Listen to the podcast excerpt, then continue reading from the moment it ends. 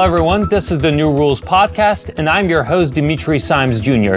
Today, we're taking another look at the volatile situation in the Middle East.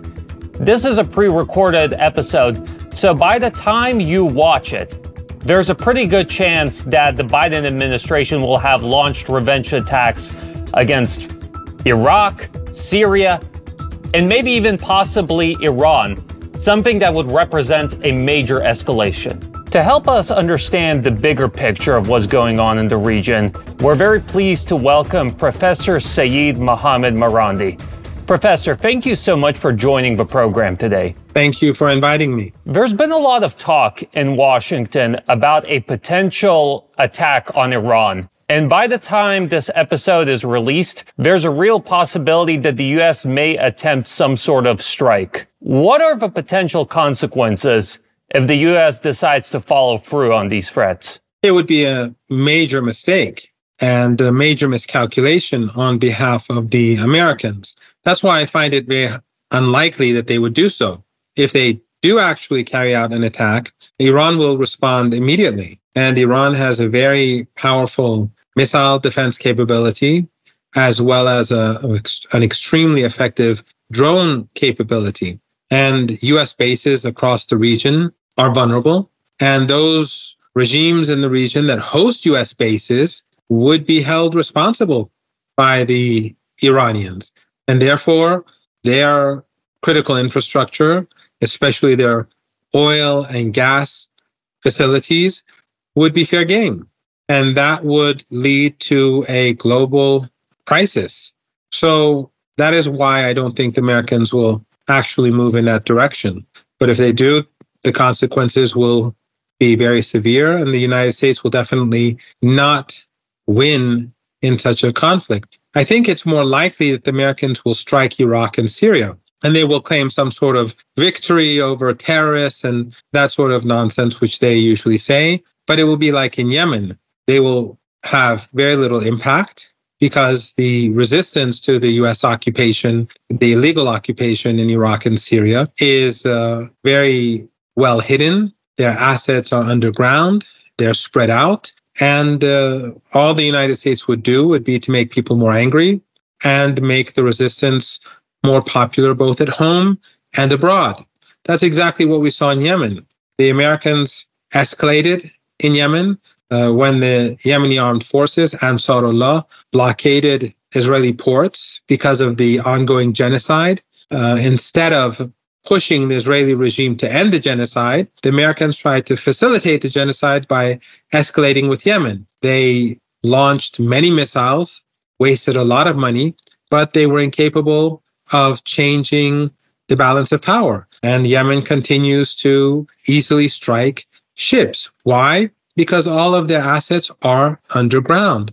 Their mobile radar, is well protected underground. Their missiles and drones are well protected underground. They come out, strike the target, and go back underground. So the Americans failed in Yemen. They made Ansarullah, or what the West likes to call the Houthis, very popular across the region and across the world. And they'll only do the same in Iraq and Syria. So the United States, by pursuing a policy of violence, a policy of hegemony, of imposing its hegemony and occupation, is only making things more difficult for itself. It's making its presence more unwanted. And especially since they are helping the Israeli regime carry out genocide, the United States are becoming increasingly despised across the world. I think what you said is really important because a lot of American politicians act as though it's still 1991 or 2003 and they can bomb any country in the world with impunity. That definitely is not the case with Iran in 2024. Uh, but as you pointed out, the United States military is struggling even to take on the Houthis in Yemen and they haven't been able to deter various militia groups in Iraq and Syria from consistently firing missiles and drones at U.S. bases. Why does no one in West Asia and the Middle East fear the United States anymore? I think your explanation was really a part of the answer. The United States should have understood in 2006 when the Israelis lost to Hezbollah when they invaded Lebanon that the world was changing.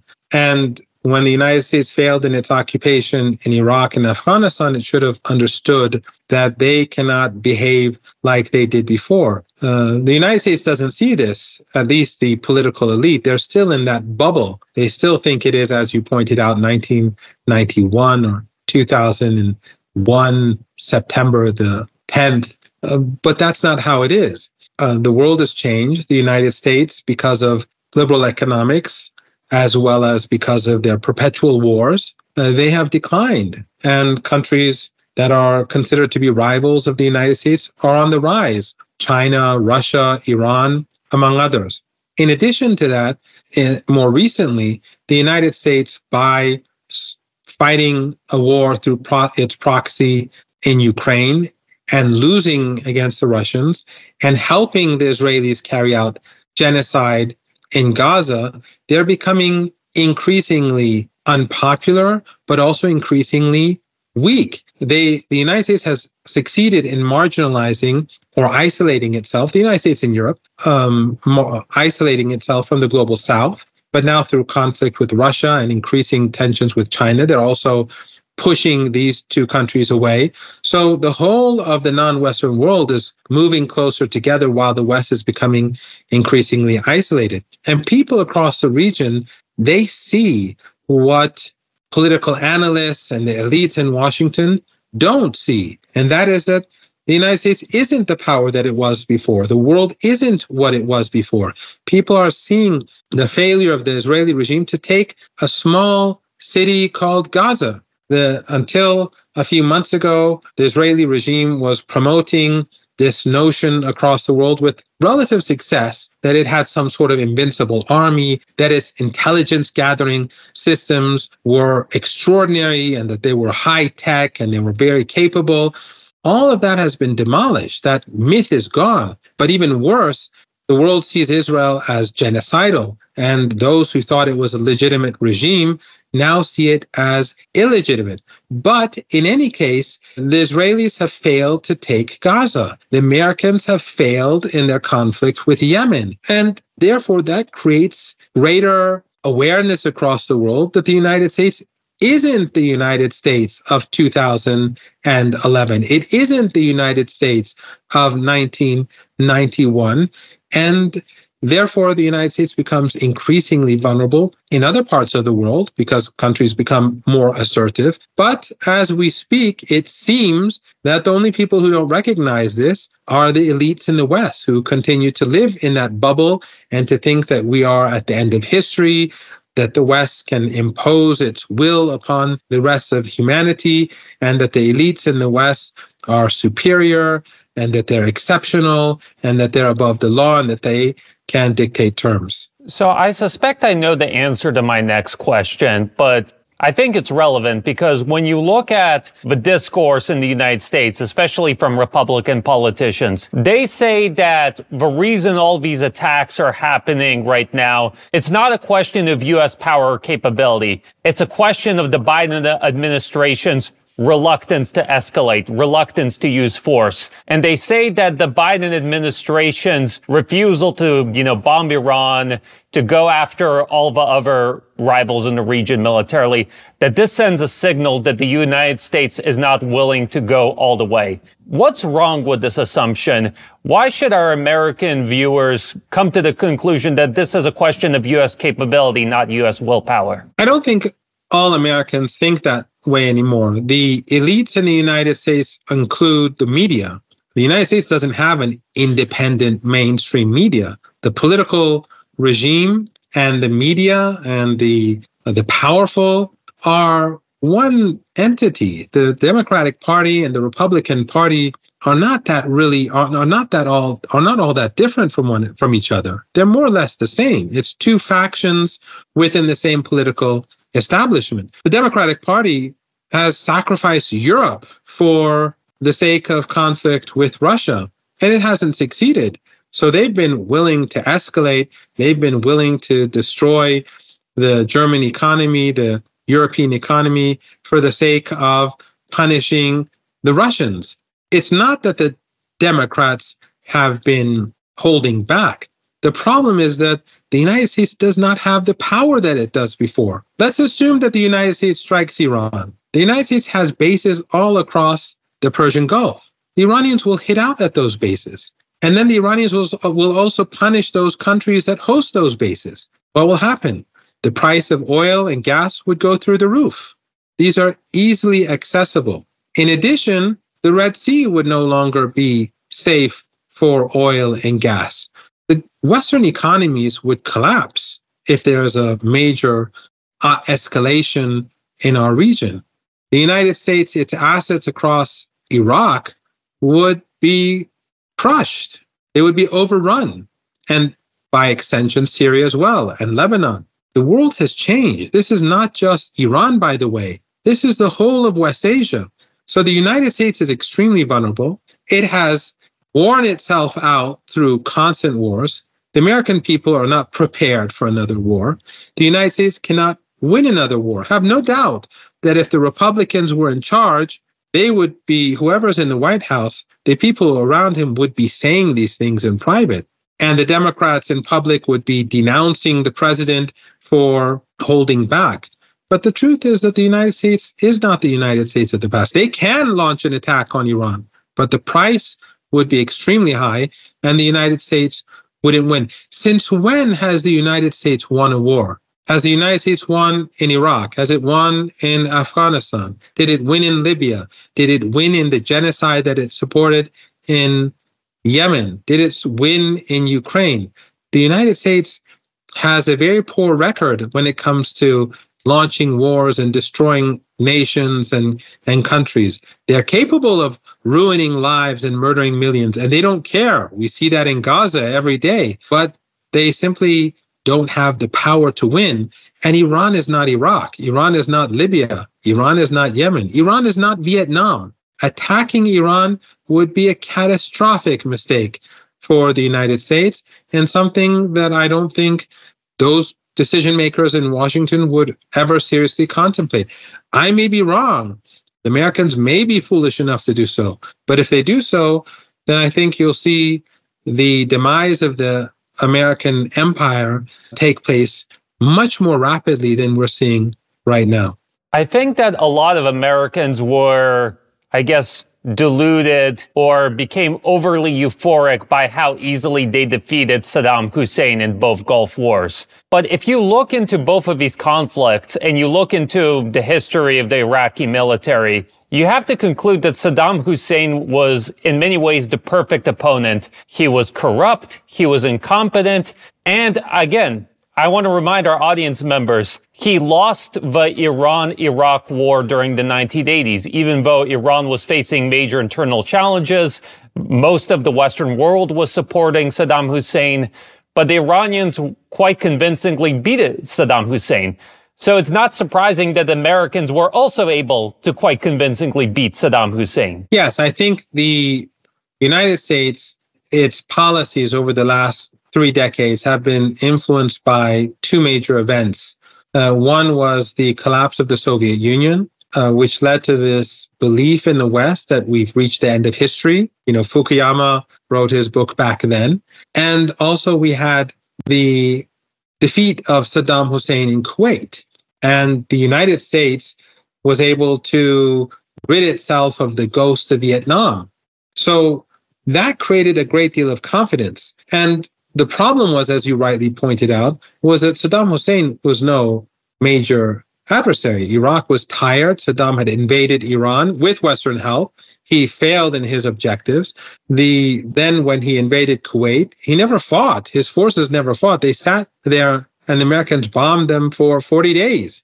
So uh, that created a misleading understanding of the world, a, a, incorrect understanding of reality, both in the United States, but across the rest of the world, which goes back to a question you raised earlier. So the United States has this belief that it can do anything and it can't, especially now when it's much weaker than it was before and the non Western world has changed so much since then. But also, the rest of the world sees the United States to be much weaker. Back then, many countries were in awe they looked and saw the collapse of the Soviet Union. Then they saw uh, the United States steamroll Saddam Hussein's forces and they were intimidated. But now they see that the United States is incapable of winning wars. And it sees how its key ally, which is provided with all the weapons that it needs, and it's given cover to carry out the worst atrocities possible in front of our eyes. We literally are seeing them take place as they happen.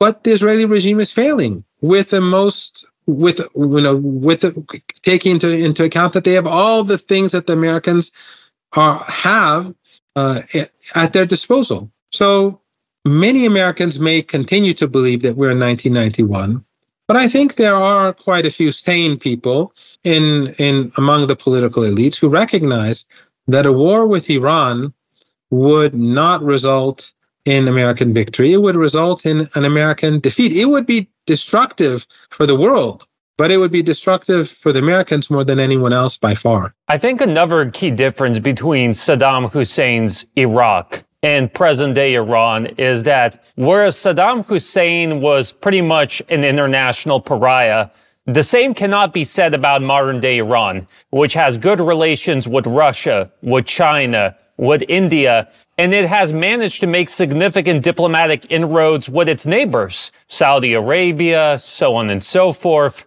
So I guess sort of what sort of diplomatic support do you think Iran could potentially muster if the United States decides to pursue aggression against Iran? Well, there are other differences as well. Iran has a high degree of internal legitimacy. When the Americans murdered General Soleimani four years ago, we saw millions of people at his funeral in Tehran, over 10 million people. He was the person who led the fight against ISIS and Al Qaeda in Syria and Iraq. And he was considered to be a, a national hero among ordinary Iranians.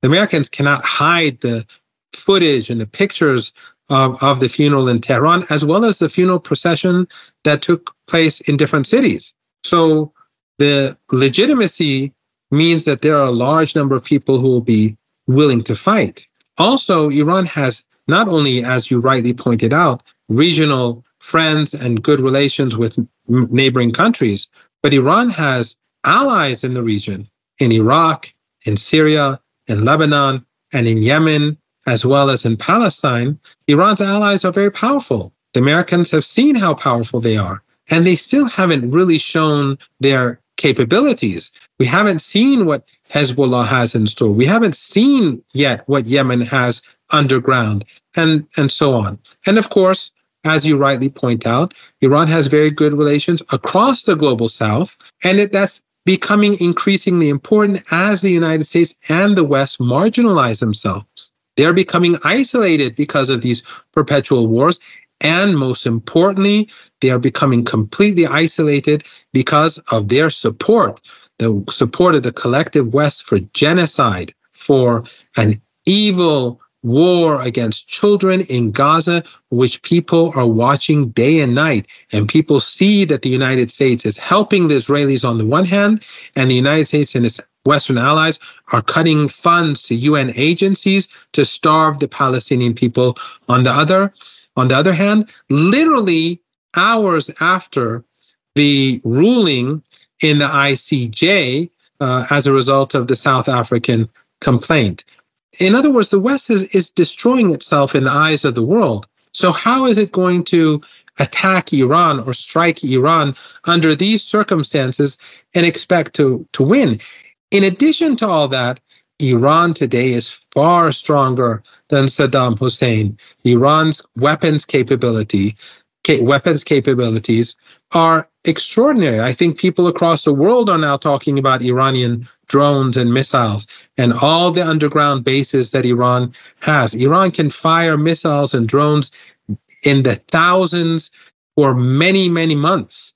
So there is no path, there is no path or road for victory for the United States in such a conflict. Yeah, and again, you know, since we brought up the diplomatic aspect of things, I don't think Iran's neighbors would be willing to provide a basically beachhead from which to launch an invasion of, of Iran, which begs the question, okay, what does the US do then? Because you know, the U.S. can fire, you know, fire a couple of missiles from an aircraft carrier, you know, from one of its bases. But even if these missiles were to get past Iran's air defense systems, I'm not sure would that have any sort of tangible impact, politically speaking. No, Iran is a very large and powerful country, and the Iranians would immediately respond. Let me just give you a let's say a scenario. Let's say the United States fires a couple of missiles at Iran. Iran will fire back. Also, see those regimes that host American bases as hostile. Imagine what would happen to the oil and gas markets. Iranian oil, its price would go through the roof. So let's say the Americans cause a couple of million dollars of damage to Iran. The Iranians will gain a few billion dollars in return. And the United States will have to pay the consequences of being hit back and its key installations in the region being being being destroyed by the Iranians. This is Iran's home turf. This is Iran's region. The Americans are fighting, would be fighting potentially Iran from the other side of the world. So I don't see this as I don't see the Americans have any have having any possibility of victory. Again, by the time this is published, we'll find out what the Americans want to do.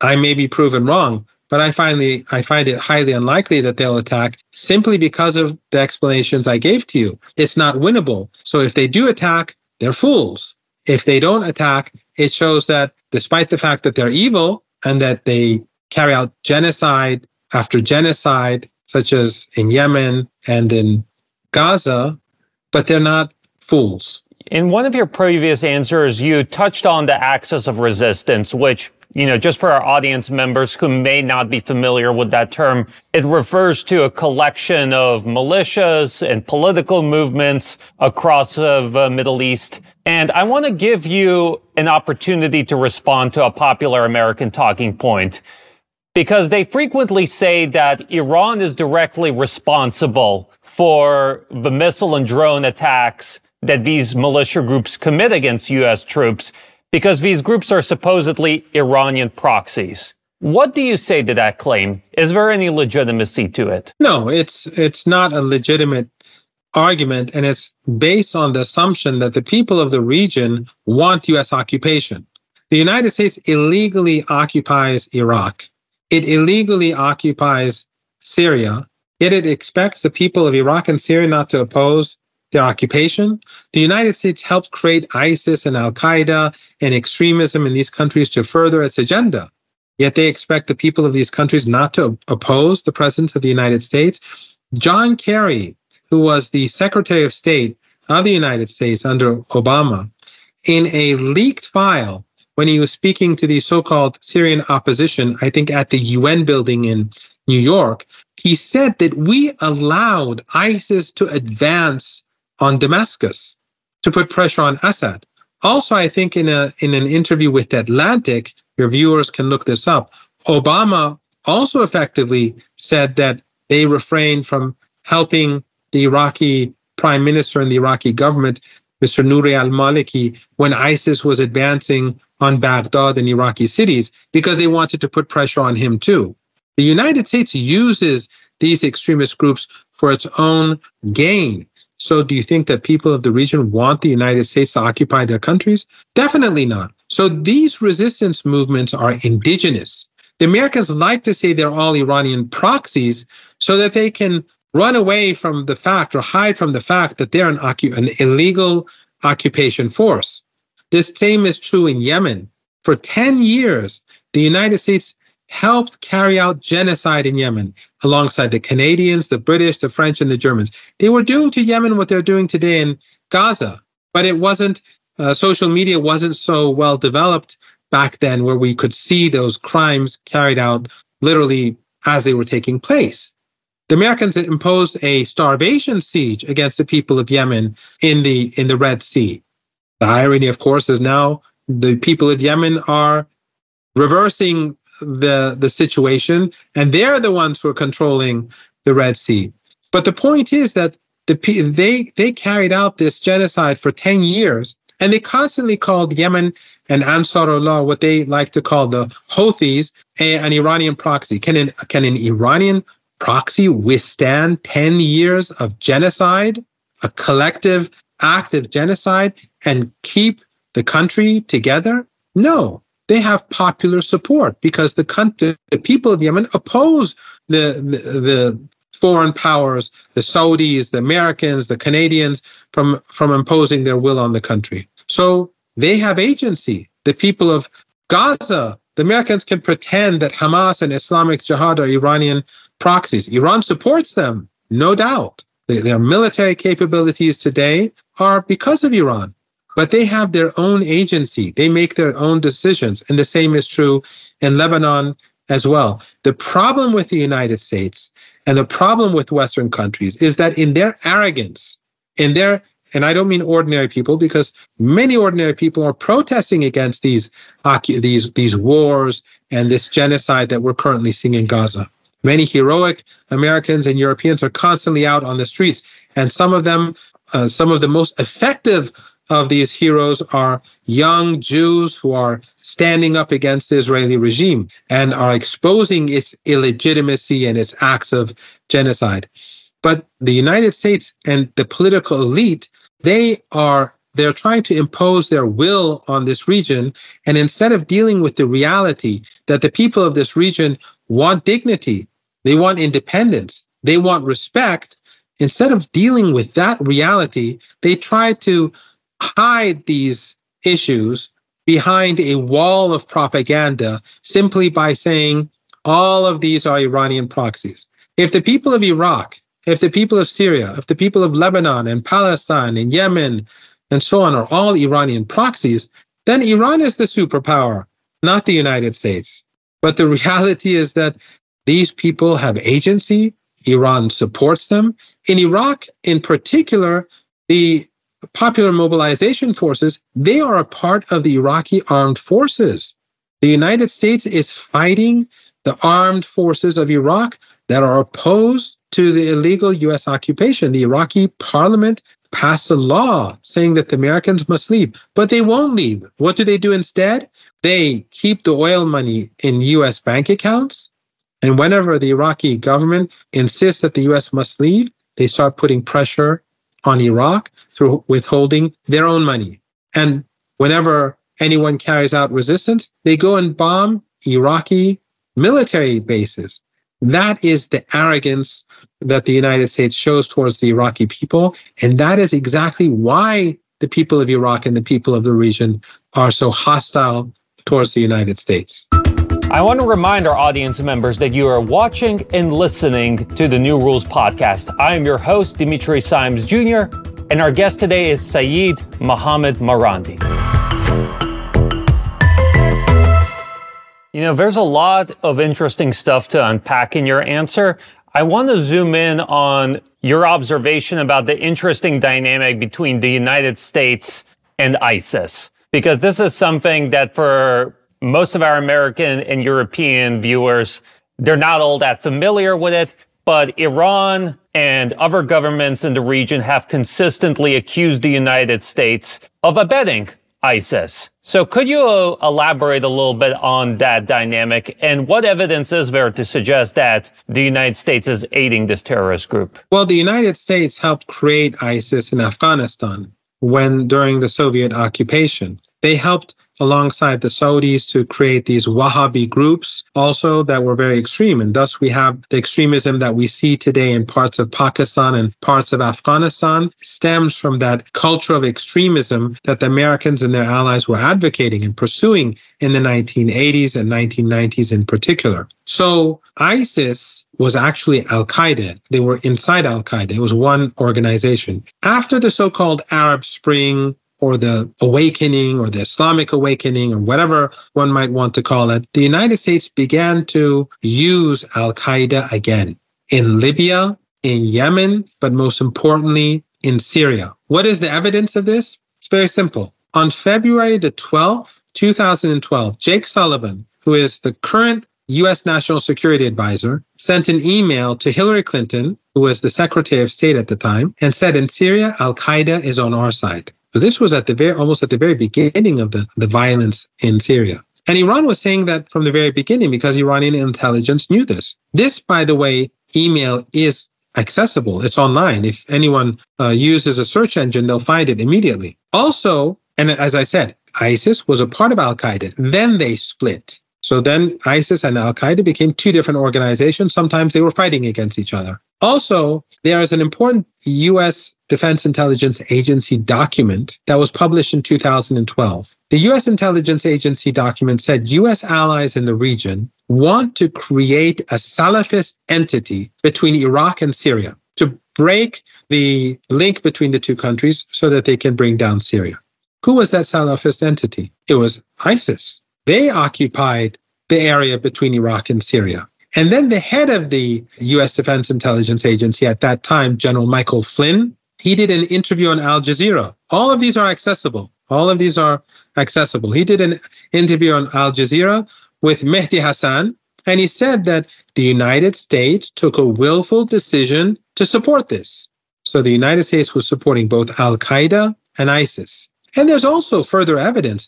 Al ISIS was doing extensive trade with Turkey, who was helping ISIS as a NATO country. And of course, Western intelligence agencies were facilitating the movement of tens of thousands of foreign fighters into Syria, mostly through Turkey, with funding from countries in the Persian Gulf, many of them from Europe. And the European intelligence agencies knew this, many of them from Arab countries, these extremists or these people who are influenced by extremists that the West tolerated at that time because it was in their interest. So tens of thousands of foreign fighters were coming into Syria. No one complained about that. And then ISIS was doing extensive trade with Turkey.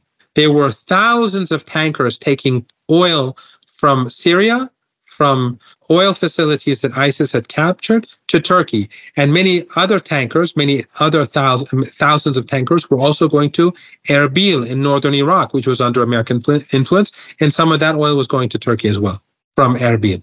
When the Iranians convinced Russia to join the fight, and the Russians in 2015 entered the battle, one of the first things that the Russians did was that they began to, and you may remember this because there's video footage that the United, that the Russians began to bomb those thousands of tankers that were taking these that were taking fuel. So they heavily disrupted. They they damaged the capability of ISIS to export oil, something which the Americans allowed. They facilitated because the Americans were flying over ISIS territory well before the Russians came in, but they never touched the trade. Why? Because the Americans wanted to empower ISIS. Also, alongside the Golan, ISIS had bases and so did Al Qaeda.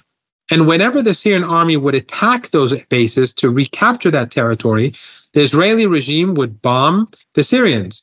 They would use their aircraft, they would use helicopters, they would use artillery to, to strike at the Syrians, and they would take in both ISIS and Al Qaeda terrorists to their hospitals.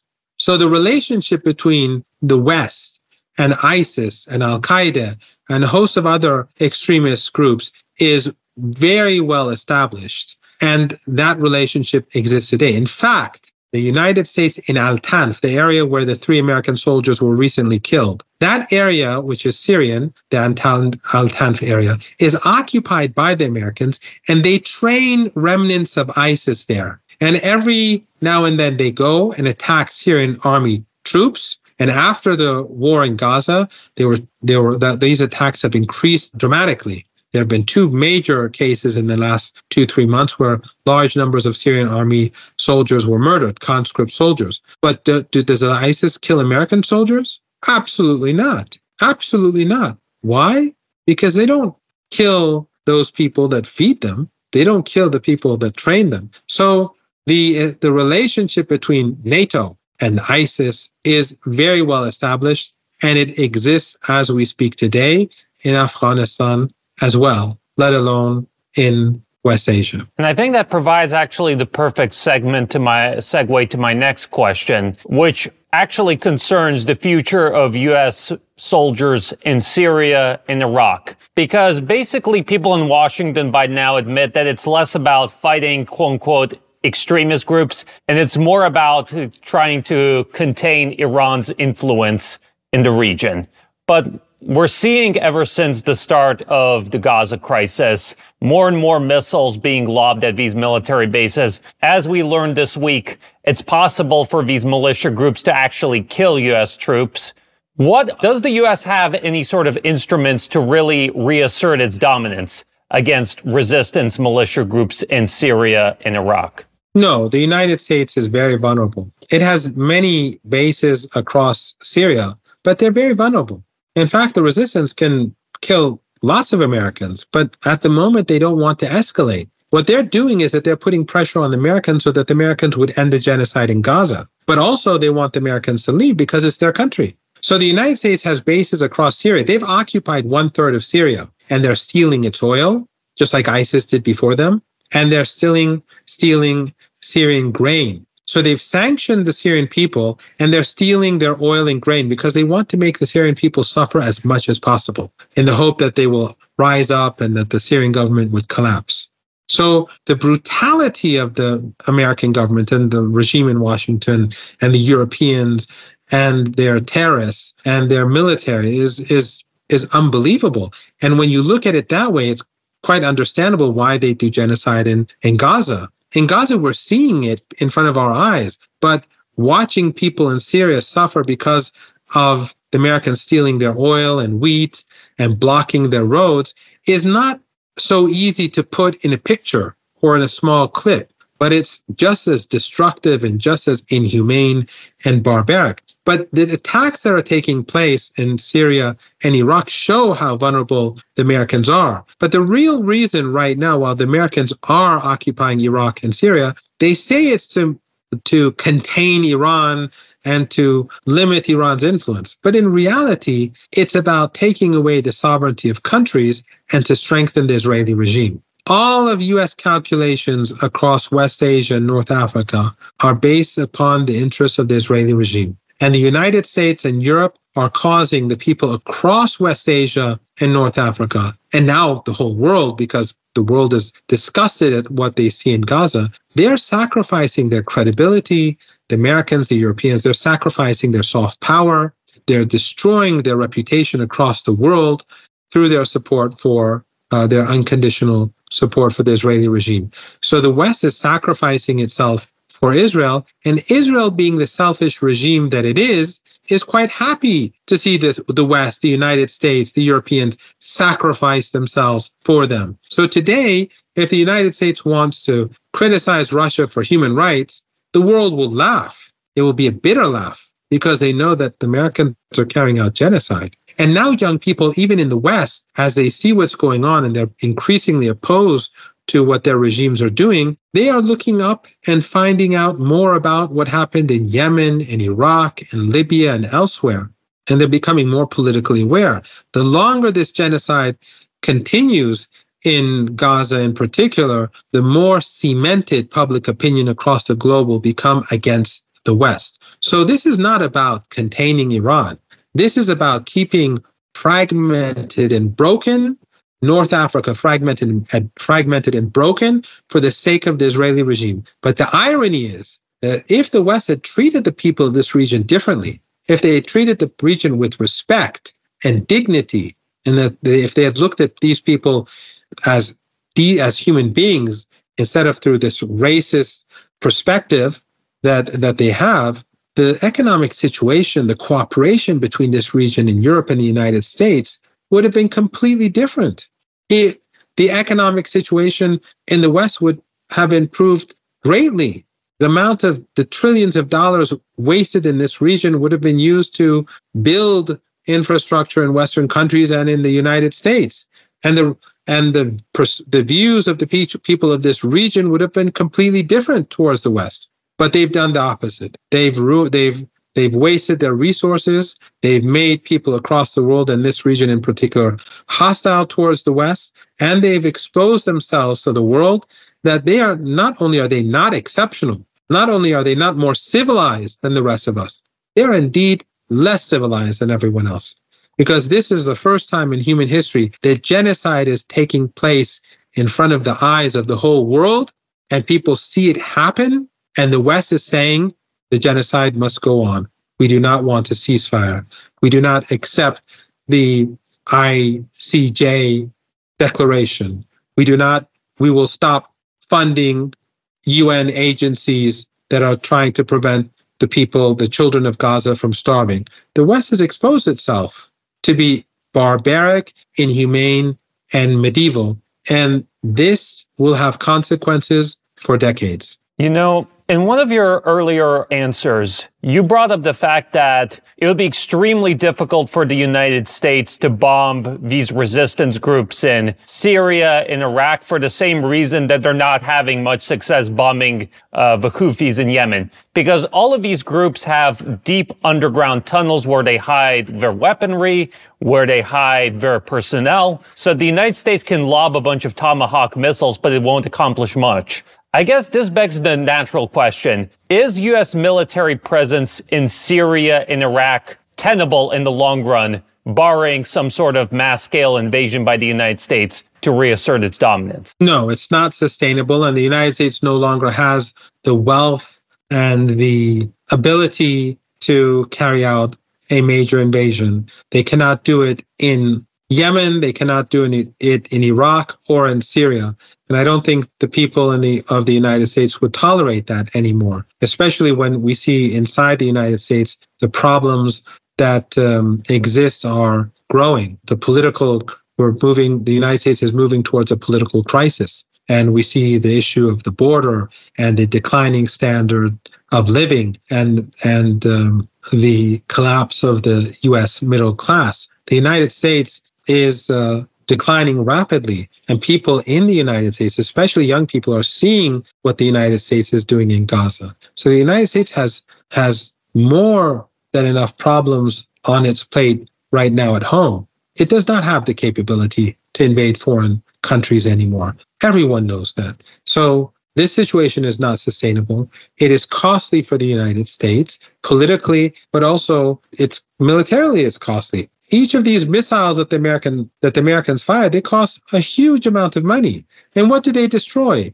Literally nothing, almost nothing, sometimes nothing at all. So, but the American media will say how we destroyed the terrorists and how you know our armed forces they and they'll show explosions and pretend that everything has been destroyed. But they've been doing that for two decades now. Where have they won? Where has the United States Armed Forces been able to say we've we've had some sort of victory? And as you pointed out, the new strategy that has been developed is to put everything underground. In Yemen, the Americans and the Saudis and the Emiratis and the Europeans and the Canadians, and they carried out genocide for a decade. They bombed Ansarullah, the Yemeni armed forces, day and night. There were thousands of British military advisors helping the Saudis keep their air force afloat their planes in the air. And the, the Ansarullah, they had all their weapons underground. So those bombings just killed ordinary people. Now and then a few soldiers, but their assets were well protected. Now they're much more powerful than they were back then. Hezbollah's assets are all underground. Whatever you see in Gaza, you can you can be sure that Hezbollah is much stronger than Gaza. Its capabilities are much greater than what we see in Gaza today. Israel has failed in Gaza. Are they going to be able to defeat Hezbollah? Iraq and Syria, There are two countries where which are large and the resistance is spread out and they have capabilities, drone and missile capabilities that the Americans cannot touch. And of course, Iran is the regional superpower. So the, the only reasonable way forward for the United States is to end the genocide. They cannot find a path to victory for themselves in Israel because that's what this is all about. This escalation that we see by Israel in the United States, whether it's in Lebanon or it's in Yemen or it's in Iraq and Syria, is because they failed miserably in Gaza and they want to escalate to find some sort of path to victory. They will not find such a path. It's non existent. It will only make their defeat worse and more costly.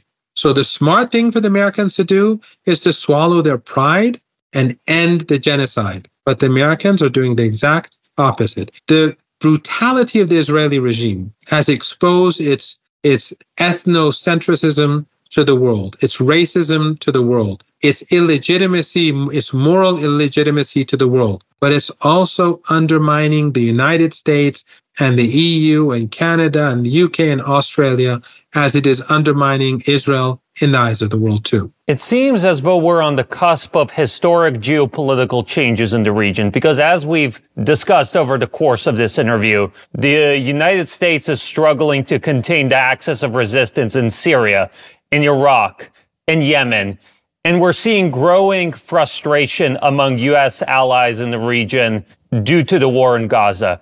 Are we seeing the end of American hegemony in the region? And if so, is it possible to have this transition occur bloodlessly, peacefully? Or is it inevitable that this radical change of geopolitical balance of power will come at a cost of enormous blood? I don't think that the Americans are going to make the right decisions. They are used to making the wrong and murderous and destructive decisions. I think that we are moving towards the end of the US empire very rapidly. It doesn't mean it's going to end overnight, but it's ending.